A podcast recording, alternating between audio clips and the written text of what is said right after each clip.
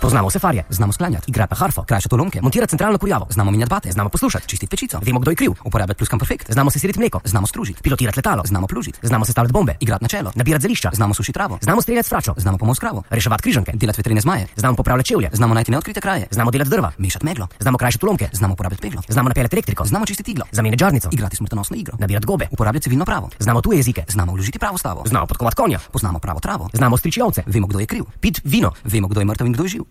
Ampak ne znamo biti tiho. Radio študent Ljubljana.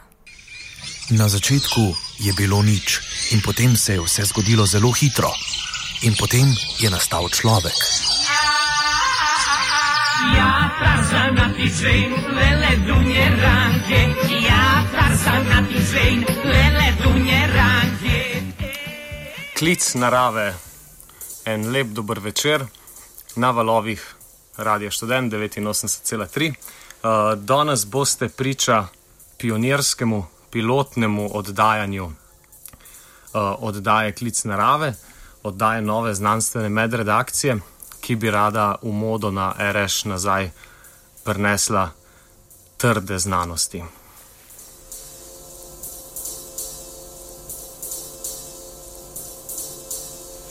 Sicer um, lahko priznamo, da koncept te oddaje še ni popolnoma dodelan, uh, tako da to, kar boste danes slišali, bo res samo poizkusno.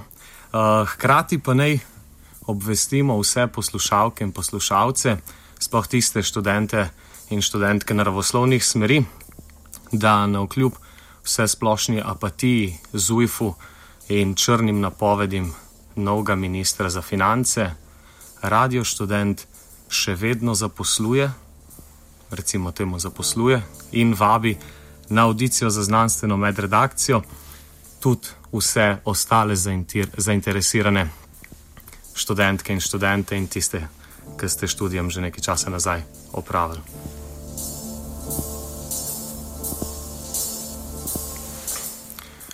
Prijave zbiramo na audicija.ur, afnaradiostudent.si ali pa na radiostudent.si pošiljnica audicija, kogar zanima še kakšna dodatna informacija.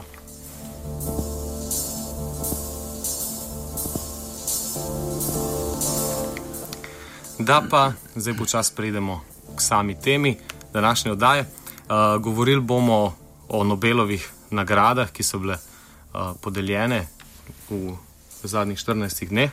Z nami v studiu pa sta Domen Šmalc iz absolvent medicine in Mitja Drab, prvi glas slovenskih pesnikov, sicer pa uh, mladi raziskovalci na fiziki. Dober večer. Dober večer. Dober večer. Um, zdaj vidva sta predstavila tudi, pripravila tudi vsak svoj uh, prispevek. Ja, tretjino šmalcev v bistvu kar celega, ampak. Ja. Ja. Ja. Glede na to, da smo. Trije fiziki smo. Trije fiziki sodelujemo, medicinsko je pa nekoliko manj, tako da tudi pozivamo vse Tako, ja. uh, um, morebitne interesente, da kot Jarne preomenil, audicija je v teku, uh, da se javijo, rabimo nove sodelavce, rabimo tudi en tak bolj mogoče še koncept, kot si omenil, Arne. Um, ja, torej. Uh, ja, dej, mogoče, če začnemo kar takoj, uh, glede na to, da smo predtem v Zeitgeistu poslušali že o mapiranju in o kartiranju, bomo to zdaj pre, prenesli še v uh, medicino. Domen, da povej sam par uvodnih besed o tekstu, ki si ga pripravil in o nagradi. Uh, ja, letošnja nagrada je šla za uh, na medicini oziroma za fiziologijo z področja kognitivne uh, znanosti, ki je zadnje čase precej vroča zadeva. Um, je precej edinstvena zaradi tega, ker se tiče um, višjih kognitivnih funkcij, to so te zadeve, ki se jih um, v znanosti bolj težko zares pritaknemo, pritaknemo trdno. Um, uh, in se ponatrajši držimo vse v medicini, no, bolj osnovnih uh, zadev, nekaj, kar lahko mogoče lažje izmerimo, pa tako naprej. Um, z tega stališča je zanimiva povezava s psihologijo, naprimer. Ne. Dobro, um, pa če lahko prosim, da spustimo kar počasno noter prvi uh, prispevek, torej Nobelova nagrada za medicino ki so dobili Erik Becik in William Mrner iz Amerike in Stefan Hill iz Nemčije. Nobelova nagrada za medicino ali fiziologijo 2014. V letošnjem letu si nagrado za medicino ali fiziologijo delijo kar trije raziskovalci. John O'Keefe je prejel pol nagrade, za drugo polovico pa je bogatejši par May Britt Moser ter Edward I. Moser, ki sta prejela še drugo polovico. Nagrajeno je bilo njihovo odkritje celic, ki sestavljajo sistem pozicioniranja v možganih, zaradi česar se lahko znajdemo in orientiramo v prostoru. Veliko odkritje je nastalo postopoma in v skoraj polstoletnem časovnem razkoraku. V Veliki Britaniji živeči američan je večino nagrajenega dela upravil v začetku 70-ih let, medtem ko sta norveška neuroznanstvenika najpomembnejši članek objavila šele leta 2005. Identificirala sta vrsto živčne celice, ki ustvari koordinatni sistem in omogoča natančno določanje položaja in sledenje poti. Skrivnost kako se človek in živali sposobni znajti in gibati v zapletenem in vedno spreminjajočem okolju, je mislica zanimala že dolga stoletja. V sredini prejšnjega pa je v spredje psihologije prišla razlaga kognitivnih zemljevidov. Teorija je postavila tezo, da naj bi si možgani z raziskovanjem okolja in povezovanjem raznih občutij, vida, sluha, vonja in drugih, ustvarili mentalni model prostora, Ta ideja se je postavila po robu dotedaj uveljavljeni behavioristični razlagi vedenskih verik in je predstavljala velik preskok v razmišljanju. Ko se je John O'Keefe v 60-ih pričel ukvarjati z vedenjem živali, se je odločil izkoristiti napredek v razvoju tehnik merjenja živčne aktivnosti. Kot mnogi v tistem času je tudi sam delal raziskave na podganah. V hipokampusu, predelu možganov, ki velja predvsem za spominsko središče možganov, je z elektrodami meril aktivnost posameznih nevronov. Ljudje, ki so jim naprimer zaradi zdravstvenih razlogov odstranili omenjeni del, so imeli trajne motnje tvorbe spominov, posebej tistih čustveno vezanih spominov. O'Keefe je podganam pustil, da prosto raziskujejo laboratorijsko okolje, Na svoje presenečenje je odkril, da so se celice nekega dela hipokampusa aktivirale le, ko je bila podgana na določenem mestu. Odkrite celice je poimenoval krajevni nevroni. S previdnimi spremembami v okolju je na to uspel dokazati, da ta aktivnost ni le posledica enostavnih zaznav, kot je vid ali sluh. Podgana si je očitno ustvarila kompleksnejši model, več korakov oddaljen od osnovnih občutij okolja. Še več, ko je prestavil v drugo okolje, se je spremenil tudi vzorec proženja krajevnih nevronov. In ko je prestavil nazaj v staro okolje, se je stari vzorec vrnil. To mu je dalo misliti, da ti vzorci aktivacije pravzaprav kodirajo prostorski spomin v možganih živali. Omenjeno odkritje je postala nedvomna podpora konceptu kognitivnih zemljevidov, ki dotedaj ni imel fiziološke podlage v zgradbi možganov in je veljal bolj za filozofski koncept. O'Keefeovo delo je spodbudilo veliko zanimanja za raziskovanje krajevnih nevronov, predvsem pa način nastajanja in delovanja spomina. Pravilno je napovedal obstoj posebnih nevronov, ki se odzivajo na meje prostora in na položaj glave. Naslednji večji korak v raziskavi se je zgodil z raziskavami May Britt in Edwarda Mauserja na začetku 21. stoletja. Zanimalo ju je, če ob hipokampusu še katere druge strukture vplivajo na aktivnost krajevnih nevronov. Osredotočila sta se na bližno povezano možgansko strukturo, imenovano entoreinalni korteks. Ponovno sta merila aktivnost posameznih nevronov v možganih podgan, ki so se gibale po obsežnem področju laboratorija.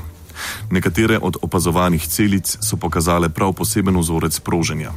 Kot pri okifovih krajevnih nevronih, so se celice aktivirale le na določenih mestih v prostoru vendar tu za razliko ta mesta niso bila vezana na posebno zanimive točke v okolju. Celice, ki sta jih poimenovala mrežni nevroni, so se aktivirale na mestih, ki so bila v prostoru enakomerno razporejena v mreži. Na ta način omogoča orientacijo v prostoru v nekakšnem koordinatnem sistemu. Razkrila se je posebnost, da mreža ni sestavljena iz kvadratov, kot smo vajeni iz šolske matematike, temveč iz šestkotnikov. Različni mrežni nevroni imajo podobne mreže, ki so zamaknjene. Tako skupaj pokrijejo vse prostor, kot neke vrste notranji GPS. Odkritje para Mauser je posebno, ker do zdaj ni znano, da bi katere druge žilčne celice delovale v mreži. Ta struktura nima usporednice v zonanjem svetu, kar jo dela izključno za lastnost možganov. Kasneje sta Mozareva dokazala še, da so mrežni nevroni razdeljeni v več modulov, ki se razlikujejo v tem, kako drobno mrežo imajo. Vsak modul naj bi deloval pri orientaciji na različno velikih razdaljah, pri čemer največji zaradi pomankanja sredstev in premajhnega laboratorija še niso raziskali. Kaj si torej lahko v prihodnosti obetamo od dosežkov letošnjih nagrajencev, še posebej kar se tiče človeških možganov? Medtem ko sta nagradi za fiziko in kemijo šli za dve izjemno uporabni odkritji, se za delo Johna O'Keefa in Mozarevih drži bolj bazične znanosti. Zaenkrat še najbolj privlači povezava z motnjami prostorskih kognitivnih funkcij pri človeku, se pravi Alzheimerjeve bolezni in drugih vrst demence. Prav hipokampus in entorinalni korteks sta namreč med najbolj prizadetimi deli možganov pri Alzheimerjevi bolezni in oslabljena sposobnost orientacije v prostoru je eden njenih prvih znakov. Nadaljne raziskovanje na tem področju bi lahko sčasoma pomagalo razjasniti mehanizem razvoja te težke bolezni. Znano je, da mrežni in krajevni nevroni obstajajo pri sesalcih, zelo verjetno pa tudi pri večini vretenčarjev s sposobnostjo prostorske navigacije. Se pravi, gre za evolucijsko precej ohranjeno strukturo, ki bi jo morda lahko našli tudi v drugih možganskih sistemih. Odkritje namreč predstavlja precejšen premik v razumevanju višjih kognitivnih funkcij, ki so bistven del zavesti. Ne samo z vidika prostorskega spomina, nujnega za preživetje, temveč tudi epizodičnega spomina, ki nam omogoča pomnenje vrstnega reda dogodkov. Nagrajenci si zato upravičeno obetajo, da je to dobra istočnica za prihodnje raziskave možganov. Kognitivne zemljevide vam je razširjal Domen Šmalc.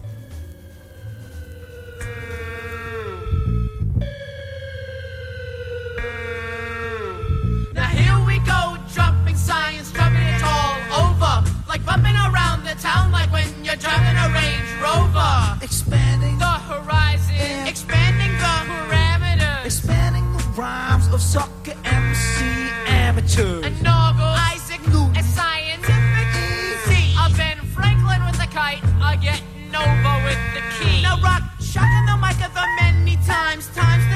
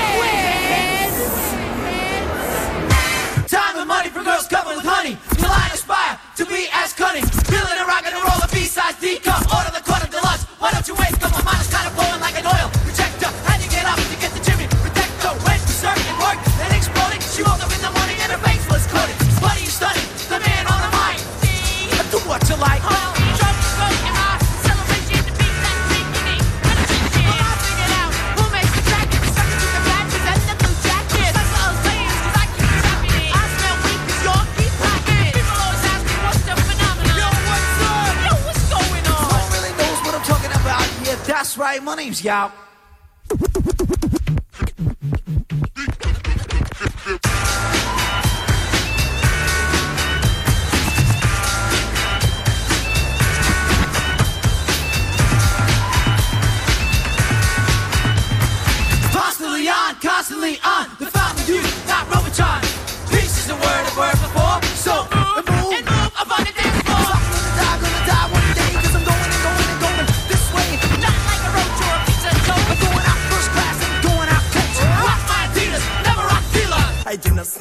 Coke, I only smoked the Sensi Mila. Well, if I know, I know. Let's go. What I live on right. And that's strictly wrong. I got science for any occasion. equation. Well, teachers it, it's no blizzard. Eat a chicken gizzard with a girl named Lizzie. Dropping science like Galileo dropped the orange. En lep pozdrav nazaj. Um, tole je bil prispevek Domna Šmalca o kartiranju. Tako je. Ja.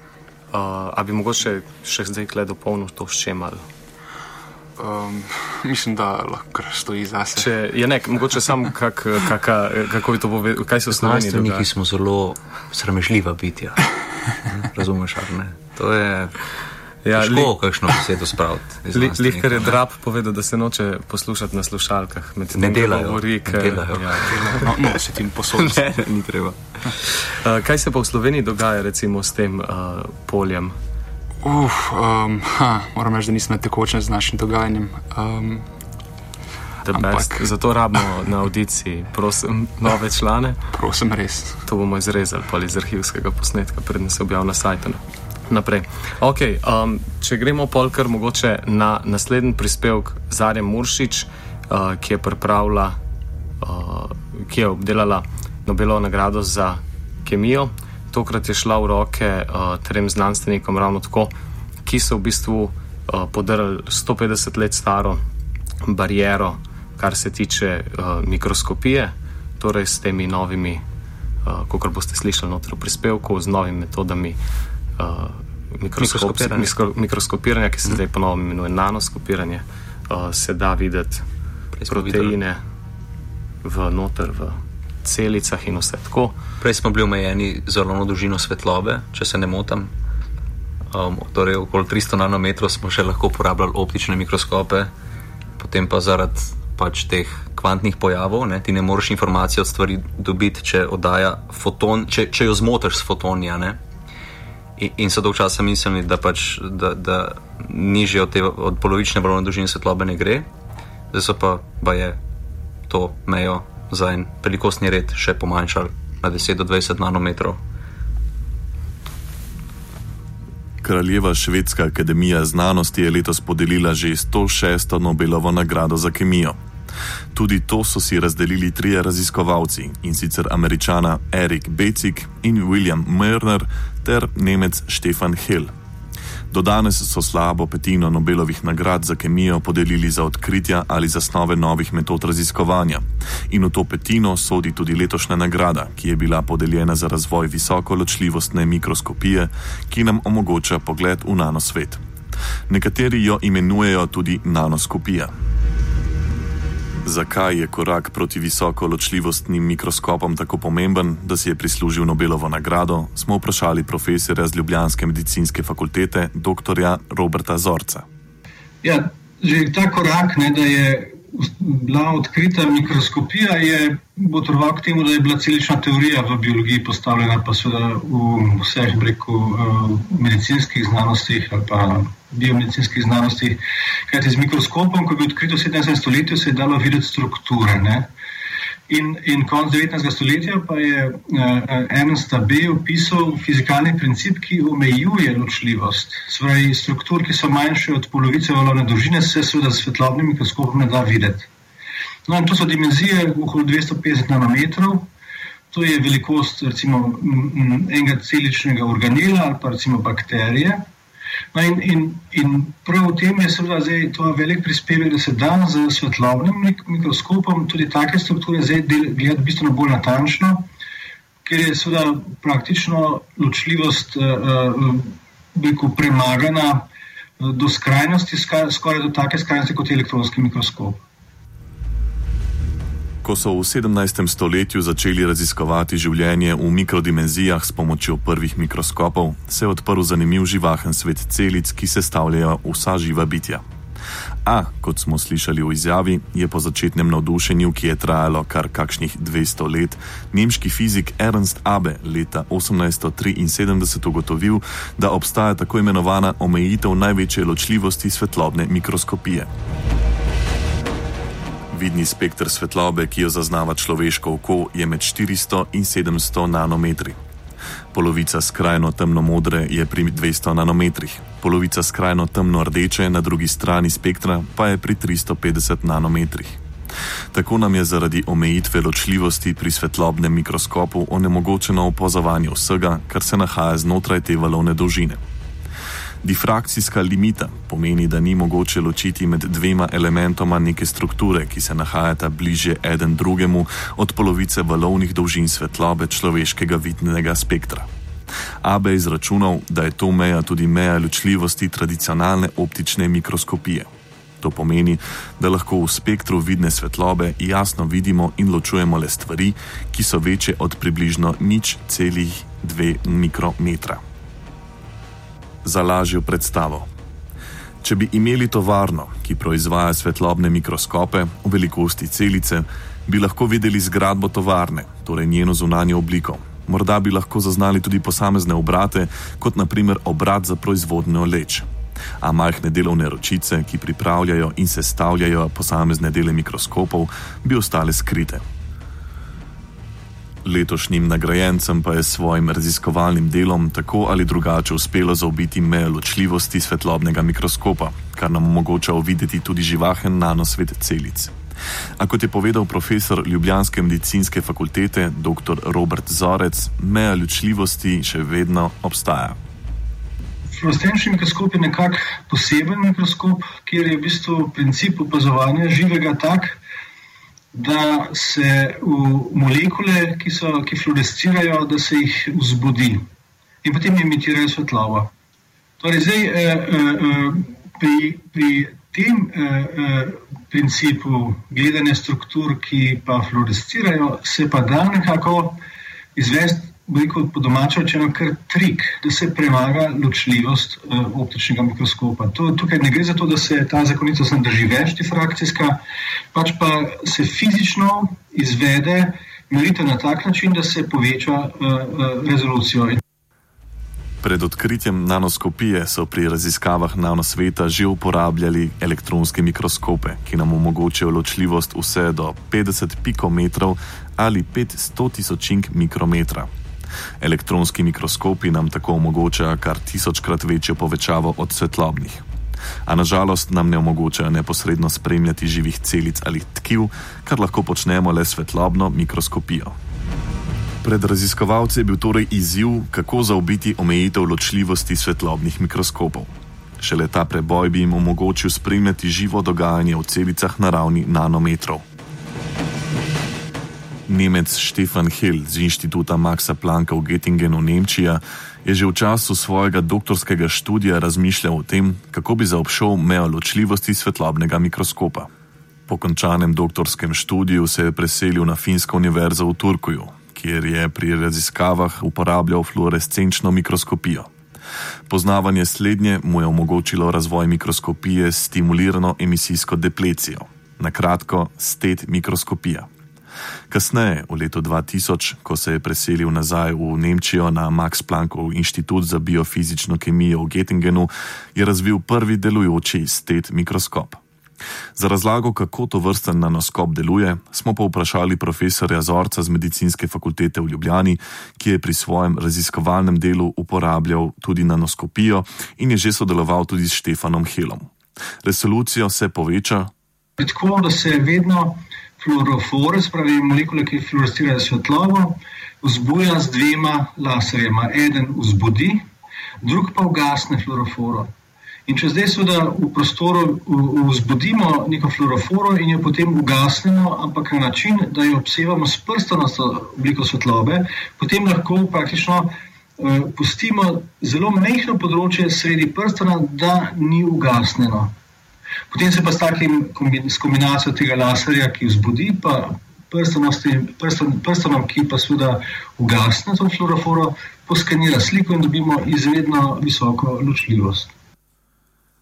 Na drugi strani Atlantskega oceana sta se Erik Becik iz Medicinskega inštituta Howard Hughes in William Merner z Univerze v Stanfordu lotila podobne naloge in razvila mikroskopijo posameznih molekul.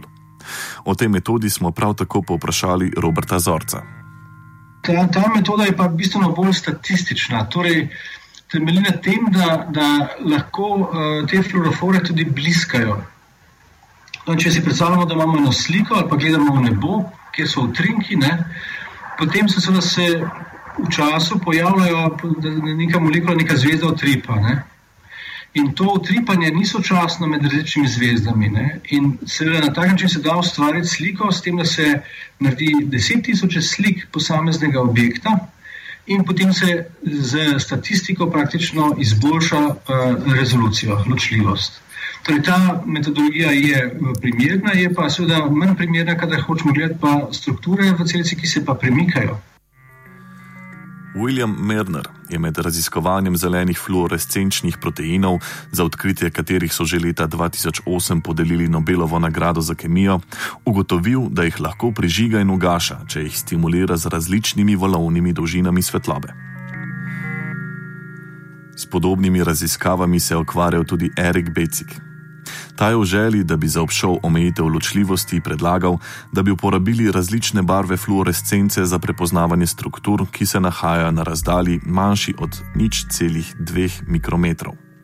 A deset let kasneje je ugotovil, da ni nujno, da uporablja različne barve fluorescence, dovolj je le, da fluorescirajo v različnih časih. Z uporabo zelo šibkih svetlobnih pulzov so aktivirali le del fluorescentnih proteinov, pri katerih je razdalja med njimi večja od nič celih 2 mikrometra. S to metodo so posneli novo podskupino proteinov in tako korak za korakom sestavili skupaj sliko živih delov celic z visoko ločljivostjo. Obe metodi uporabljajo tudi raziskovalci v Sloveniji. O raziskavah nam je povedal profesor Robert Zorec. Ja, torej, kemični prenašalci, ne, slovensko, ne, so molekule, ki so seveda lahko ne, žilčni prenašalci, lahko so tudi hormoni. Ne, eh, no, za nas zanimajo hormoni, ki se izločajo iz hipofize, zanimajo pa nas tudi kemični prenašalci, ki se izločajo iz glije. Torej, v možganjih imamo na, v nekaterih področjih bistveno več ne neuronov kot neuronov recimo tak je korteks. No in tukaj te celice se imenujejo astrociti, imajo zvezasto obliko in imajo v zadnjem času uh, zelo pomembno, pomembne nove vloge, torej da so podobne neuronom, vendar pa da delujejo bistveno bolj počasi. Torej to nas predvsem zanima, kako ločiti mešičke, ki vsebujejo različne kemične, kemične prenašalce v celicah glije. Med kemičnimi prenašalci so pa recimo glutamat, pa druge aminokisline, pa tudi ATP, pa mehni peptidi. Uh -huh. Pa mogoče kaj pa je funkcija teh gliacelic? Torej, gliacelice so bile odkrite pred več kot stoletji in cel, praktično celo stoletje je veljalo, da so to praktično nekaj inertnega, kot neko lepilo. Ne? Torej, etimološko ime glija izhaja iz stare grščine, kar pomeni lepilo, pa tudi iz staro crkvene slovanščine z gline, Glina je pa tudi ena tako ena struktura, kot ena malta, ki povezuje veziva. No, ta ta breko, inertna vezivna vloga eh, v možganih se je zdaj zelo spremenila, odkar je pred 20 leti bilo odkrito, da so te celice tudi vzražene na nek poseben način, da izločajo kemične prašalce, da so izredno morfološko aktivne in da eh, prisustujejo in vplivajo na procese, kot je recimo spomin, plastičnost možganov in pa predvsem pri patoloških procesih. V nadaljevanju nam je profesor Zorec povedal še malo več o zanimivem svetu glija celic. Mi, mi uporabljamo obe metodi, ta, ki eh, eh, poveča rezolucijo statistično, se imenuje SIM ali Structured Illumination Microscopy. Tukaj se ločljivost pri teh stacionarnih slikah poveča za faktor 2, zbraj ne 250, ampak recimo na 120 nanometrov. To uporabljamo uh, za uh, študij lokalizacije posameznih proteinov na subceličnih organelih. In smo letos objavili eno zelo lepo študijo, kjer smo pokazali, da so na mišički, ki skladiščijo transmitorje, da so molekule, ki so občutljive na toksine, grupirane, da so v bistvu zgoščene v en tak šop in tam tudi, to je bila prva, tudi prva meritev eh, dolžine posameznega proteina v živi celici. No, druga metoda, ta mikroskopija STED, pa tudi eh, je pri nas v uporabi. No, ti mikroskopi niso tako eh, komercialno dostopni, kot je za, recimo, za metode eh, eh, SIM, ki jim rečemo, ne, tudi druga imena. Tukaj seveda pa smo ta mikroskop eh, postavili sami sodel, v sodelovanju z, z uh, Štefanom Helom, tako da imeli smo projekt od leta 2009. No in, in, in tam ta sodel mikroskop je začel delovati pri nas leta 2013 in od takrat, uh, od takrat pa do danes smo že objavili kar nekaj študij skupaj. Kot je rekel že Isaac Newton, stojimo na ramenih velikanov. Upam, da bosta metodi v prihodnosti postali trdni rameni za nadaljne raziskovanje na področjih celične biologije, biokemije, mikrobiologije, molekularne biologije in celotnega živega nanosveta, o katerem še ne vemo prav veliko, a si vsekakor več kot zasluži naša pozornost. Morda se ravno v njem skriva odgovor na vprašanje o življenju, vesolju in sploh vsem. Nanoskopirala je Zarja Muršič.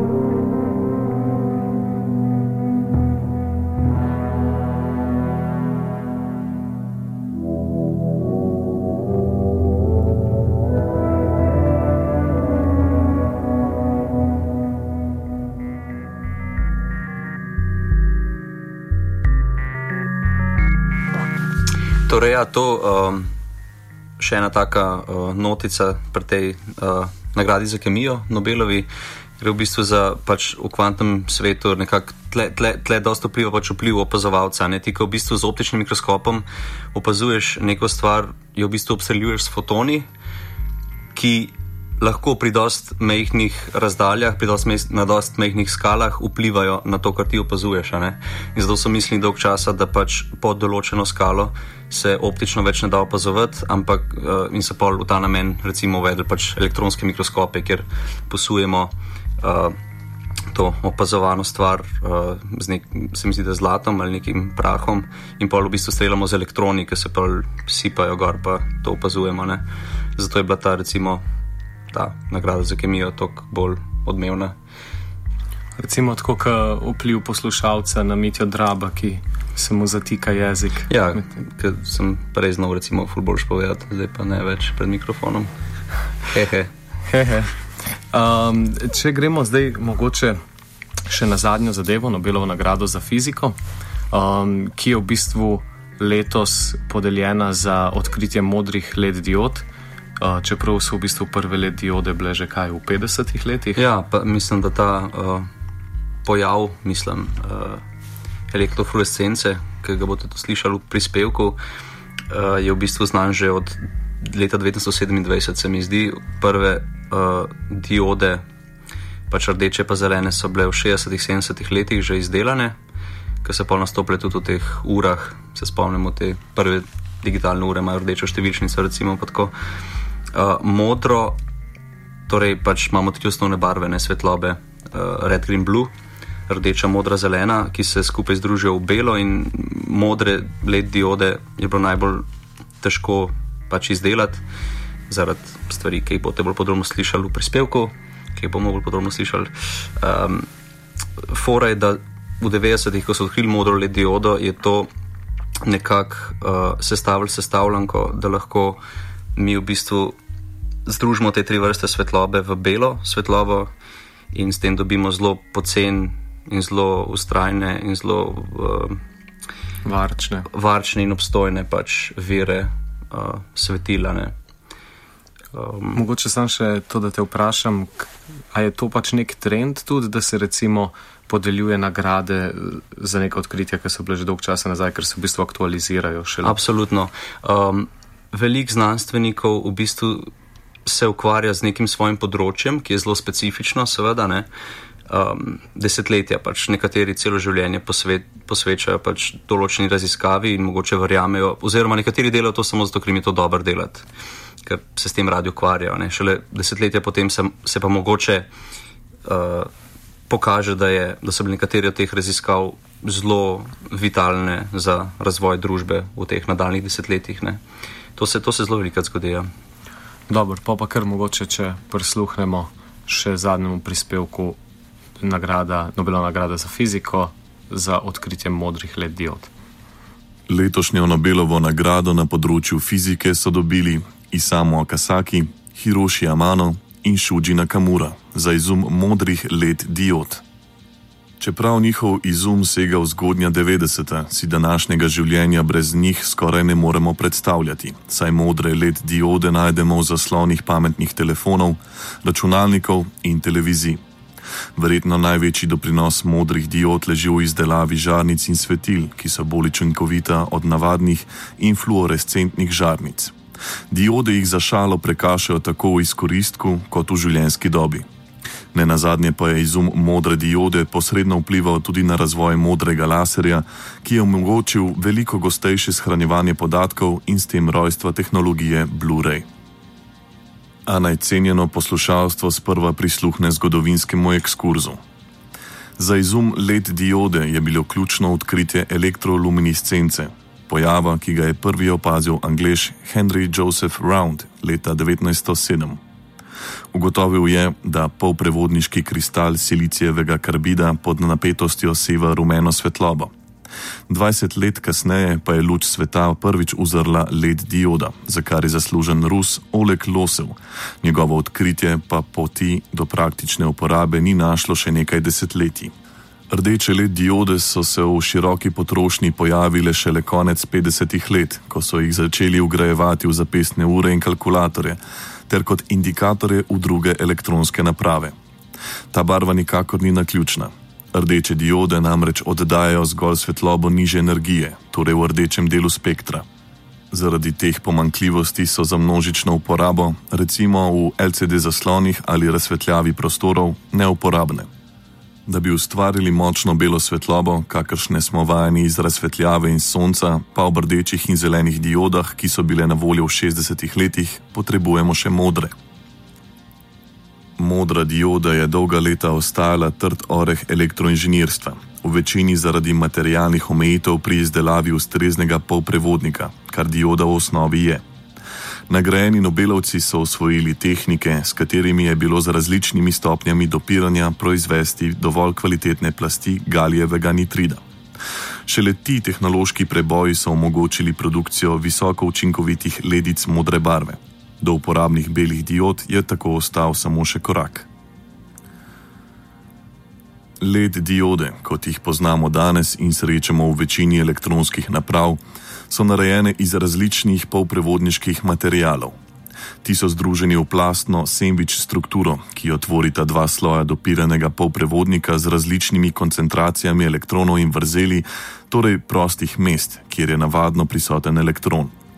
Dopiranje je postopek vnašanja nečistoč, s katerimi ustvarjamo preomenjeni presežek ali primankljaj elektronov v polprevodniški snovi in posledično spreminjamo njene električne lastnosti. V tako imenovani N-plasti imamo višjo prisotnost elektronov, P-plast pa ima manjšo koncentracijo elektronov in posledično višjo prisotnost vrzeli. Ob stiku takšnih dveh plasti se tvori PN spoj, na katerem se zaradi razlik nabitih delcev ustvari električno polje. To električno polje ustvarja razliko napetostnega potencijala, ki jo imenujemo potencijalna barijera. Zaradi slednje elektroni in vrzeli teže prehajajo iz ene plasti v drugo. Če na takšno diodo na pravo stran priključimo enosmerno napetost, ta zmanjšuje potencijalno bariero spoja. Poveča se prehajanje vrzeli in elektronov preko spoja, zaradi česar električni tok prične naraščati eksponentno. Pri prehajanju med plastema polprevodnika se vrzeli ter elektroni srečujejo, pri čemer se lahko rekombinirajo. To pomeni, da elektron zapolni vrzel, mesto brez elektrona in pri tem preide v orbitalo z nižjo energijo. S tem preskokom elektron odda svojo energijo v obliki fotona, osnovnega svetlobnega delca. Rekombinacija več delcev torej vodi do oddajanja fotonov, ki tvorijo svetlobo pri točno določeni valovni dolžini. Z uporabo različnih polprevodniških materijalov dobimo različne valovne dolžine svetlobe in posledično različne barve. Vidni spektr elektromagnetnega valovanja se razteza med 390 in 770 nanometrov. Poleg omenjenih let, ki sevajo svetlobo v vidnem spektru, so zelo pogoste tudi infrardeče LED diode, ki jih srečamo v daljinskih upravljalnikih za TV, starejših telefonih, alarmih, nočnih kamerah. Te sevajo svetlobo z valovno dolžino približno 900 nanometrov, ki je človeškim očem nevidna. Vsakdo, ki se je kdaj spekel na navadni žarnici, je hitro ugotovil, da se vsa energija ne pretvarja le v svetlobo. Pravzaprav običajne žarnice pretvorijo manj kot 5 odstotkov energije v vidno svetlobo. Okoli 12 odstotkov energije se pretvori v toploto, ostalih 83 odstotkov pa gre v infrardečo svetlobo. Tu se že kaže prednost LED diod, pri katerih gre 15 odstotkov energije v vidno svetlobo, ostalih 85 odstotkov pa v toploto. Sliši se čudno, saj LED oddaja 73 odstotkov več toplote, a je na vtip hladna. Trik se skriva v sevanju IR svetlobe, saj se pri navadni žarnici zaradi večinskega sevanja v IR spektru segreva v hiše oziroma steklo žarnice. To, kar LED dioda oddaja v obliki toplote, s hladilnimi rebri hladimo lokalno znotraj same konstrukcije diode. Če LED diode na hitro primerjamo s svetilnostjo ostalih svetlobnih virov, dobimo približno takšne podatke.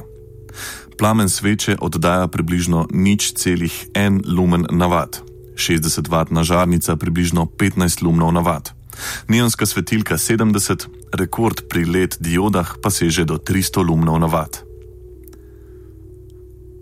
Ne le, da so LED diode bolj svetle in imajo boljši izkoristek.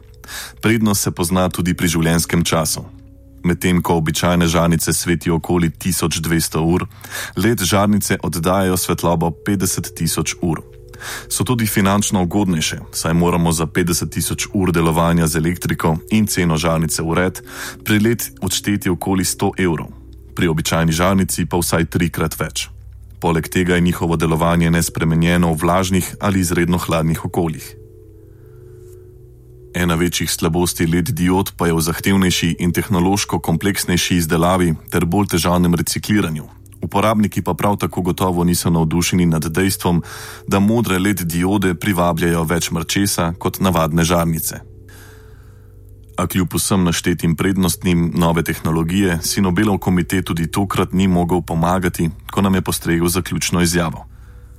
LED lamp also holds great promise when it comes to the possibility of increasing the quality of life for the more than one and a half billion people who currently lack access to the electricity grids, as the low power requirements imply that the lamp can be powered by cheap local solar power. Pri tem so očitno pozabili na empirično dejstvo, da kljub izrednemu razvoju kmetijstva, medicine in tehnologije nasploh, ter največji produkciji dobrin v zgodovini človeštva, večino prebivalstva tega planeta še vedno pestijo lakota, bolezni in revščina. Razkorak med veliko večino ljudi in vladajočo elito pa se iz leta v leto zgolj povečuje. Fiat Lux vam želijo Ian Mihajlović, Mitja Drab in Matej Prijatelj.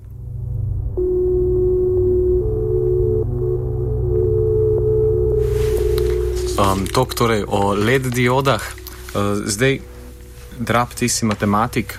Fizik, prosim. Kakorkoli. Ja. Zakaj vi nimate svoje stanovske uh, Nobelove? Dobro nagrade? vprašanje, to se veliko ljudi sprašuje.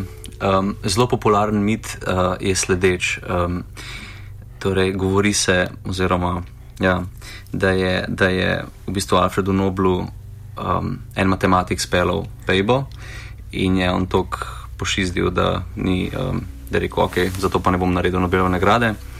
Ampak dejstvo je, da Alfred Nobel se ni nikoli poročil, tako da um, to nekako. Uh, no, vsem lahko Je mit, je punce, mit, no. ki krož po kuluarjih FMF-ja. O, po, ja, po raznih matematičnih kuluarjih, uh, še posebej med matematiki in fiziki, so znana velika nasprotja. Vsako leto se tudi vleče vrv uh, na tradicionalnem pikniku fakultete in fiziki vedno zmagamo, ker imamo manj žensk, kao, veš več testosterona neporabljenega. za To. Hehe. To, to je plus. To je plus. No, kakorkoli. Uh, izkaže se, da je Alfred Nobel um, ustanovil nagrade za stvari, s katerimi se je tudi sam ukvarjal. On je bil tak velik polimat, znal je šest jezikov tekoče. Um, zelo zanimivo sicer, da je znašel dinamit, pa da je, delal, da je imel več podjetij ustanovljenih, tudi veliko teh so, je, za proizvodnjo orožja, ampak je bila tudi prva, pač ena od nagrad je seveda zamerne, kar je mogoče malo paradoksalno. Um, za ekonomijo so pa, so pa dejansko uvedli nagrado v 60-ih, se mi zdi, ob 300-letnici švedske centralne banke. Um, in to potem podeljujejo kot naknadno, takrat še. So se pa zmenili potem, da ne bo, da ne bo več dodatnih področji, v katerih se bodo nagrade uvajale. Um, ja, tako da svojo dolgo zgodovino ima Nobelova nagrada, kljub občasnim kontroverznostim, sploh za kakšne bolj um, zanimive nagrade, recimo za mir, za literaturo, oh. občasnim zavrnitvam. Ne? Um, še zmeraj najbolj ugledna nagrada na tem na področju, z področja znanosti. Um, če vas še več zanima, um, so nagrajenci z Nobelovo nagrado dolžni še opraviti predavanje v zvezi s eh, svoj, svojega področja, ki je potekalo v tako imenovanem Nobelovem tednu od 6. do 12. decembra. Um, To je vse tudi pač online dostopno, tako kot tudi intervjuji s temi Nobelovci. Uh, če, Tako, si tako. hoče, če si hoče kdo še več pogledati, bo pod prispevkom na sajtu tudi malo dodatnih linkov do še kakšnega um, ekstra gradiva za vse znalce in znalke, Mhm. ki poslušajo, berejo. Um, Dej, mogoče drab zdaj, kakaj pa situacija z Nobelovimi nagradi, nagradami in slovenci, zdaj pa je se nekaj Ja. na tvojemu inštitutu.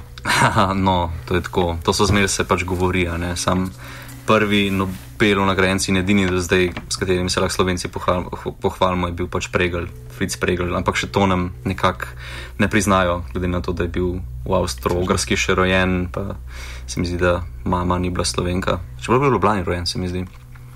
Uh, Ja, pa Boris Pahor, ne, o Borisu Pahorju se, se pa kar resno govorilo, da bo za literaturo dobil nagrado, ki se ukvarja z manjšinami in nacističnim uh, nasiljem.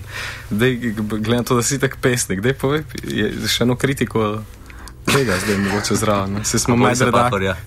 Ja, smo med redakcijo Oh, v končni fazi. Ja, nočem, nočem. Na, te, na, na tem mestu se ne bom opredeljeval. Nisem nič od njega prebral, no, v bistvu. Okay. To je zdaj confe confession. Easy. Malo si me spravil do tega. Dober, dober. Uh, vpliv poslušalcev očitno ni več tako močen, oziroma smo prebili ta, uh, ta let.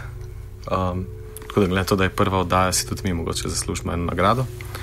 Ej, um, ja, kakšna pa mogoče sam še to za konc. No? Uh, kakšne so pa razmere na inštitutu zdaj, glede na to, da si postal mladi raziskovalec? Uh, rad bi povdaril, da ne delam na inštitutu, ne. ampak moji delo- delodajalci so zdravstvena fakulteta, delal bom pa na fakulteti za elektrotehniko, večinoma, kjer je laboratorij za biofiziko. Kakšne so razmere? Zdaj, nisem še začel, tako da mo bi bilo mogoče prerano govoriti. Zdi, zdi Prej si, mi- prej, si, prej si se pritožil na tem, da še nimaš radiatorja v pisarni. ne, ne, na robe, na robe si me razumel. Rekli so mi, da me bo zebel, bo nabav radiator. Ampak pa sem pa dobil službeni laptop, takoj potem, tako da po mojem, ker v redu. First things first. Ja.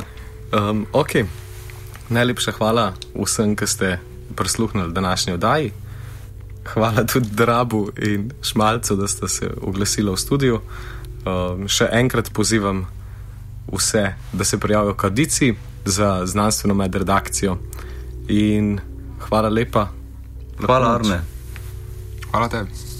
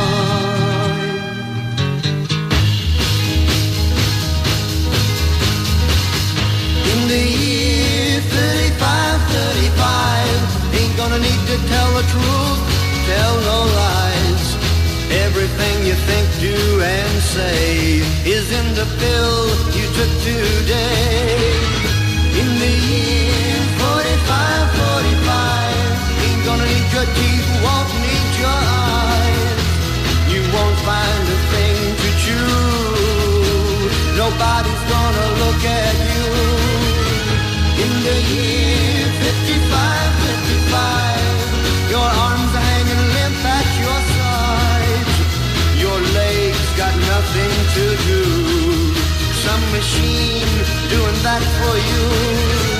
In the year 65, 65, ain't gonna need no husband, won't need no wife.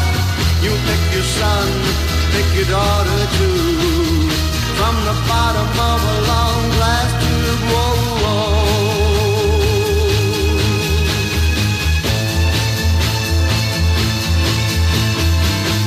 In the year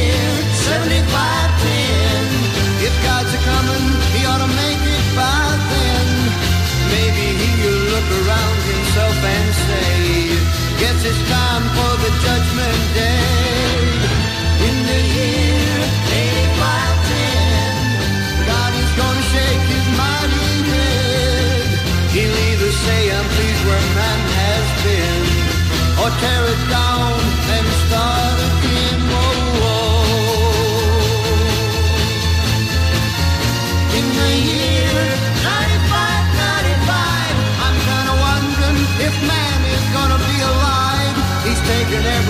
this old earth can give, and he ain't put back nothing. Whoa, whoa. Now it's been 10,000 years. Man has cried a billion tears for what he never knew. Now man's reign is through, but through eternal night, the twinkling of starlight, so very far away. Maybe it's only yesterday.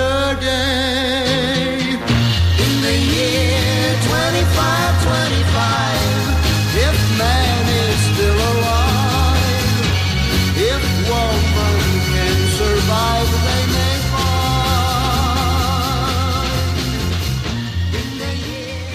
Na začetku je bilo nič, in potem se je vse zgodilo zelo hitro. In potem je nastal človek. Ja, Tarzan na Tizrein, lele dunje ranke. Ja, Tarzan na Tizrein, lele dunje ranke. In potem se je zgodila znanost, tehnologija in sploh vse. Če si torej študentka ali študent naravoslovne smeri, se odzovi klicu narave, podaji nove znanstvene medredakcije na Radiu Študent. Prijave zbiramo do 31. oktobra. Več informacij pa na radioštudent.si pošiljnica audicija. So there you go. You're the retarded offspring of five monkeys having butt sex with a fish squirrel. Congratulations. Mega radio. Tako zelo, zelo dober. Radio študent za vse generacije z blagim priokusom počasno.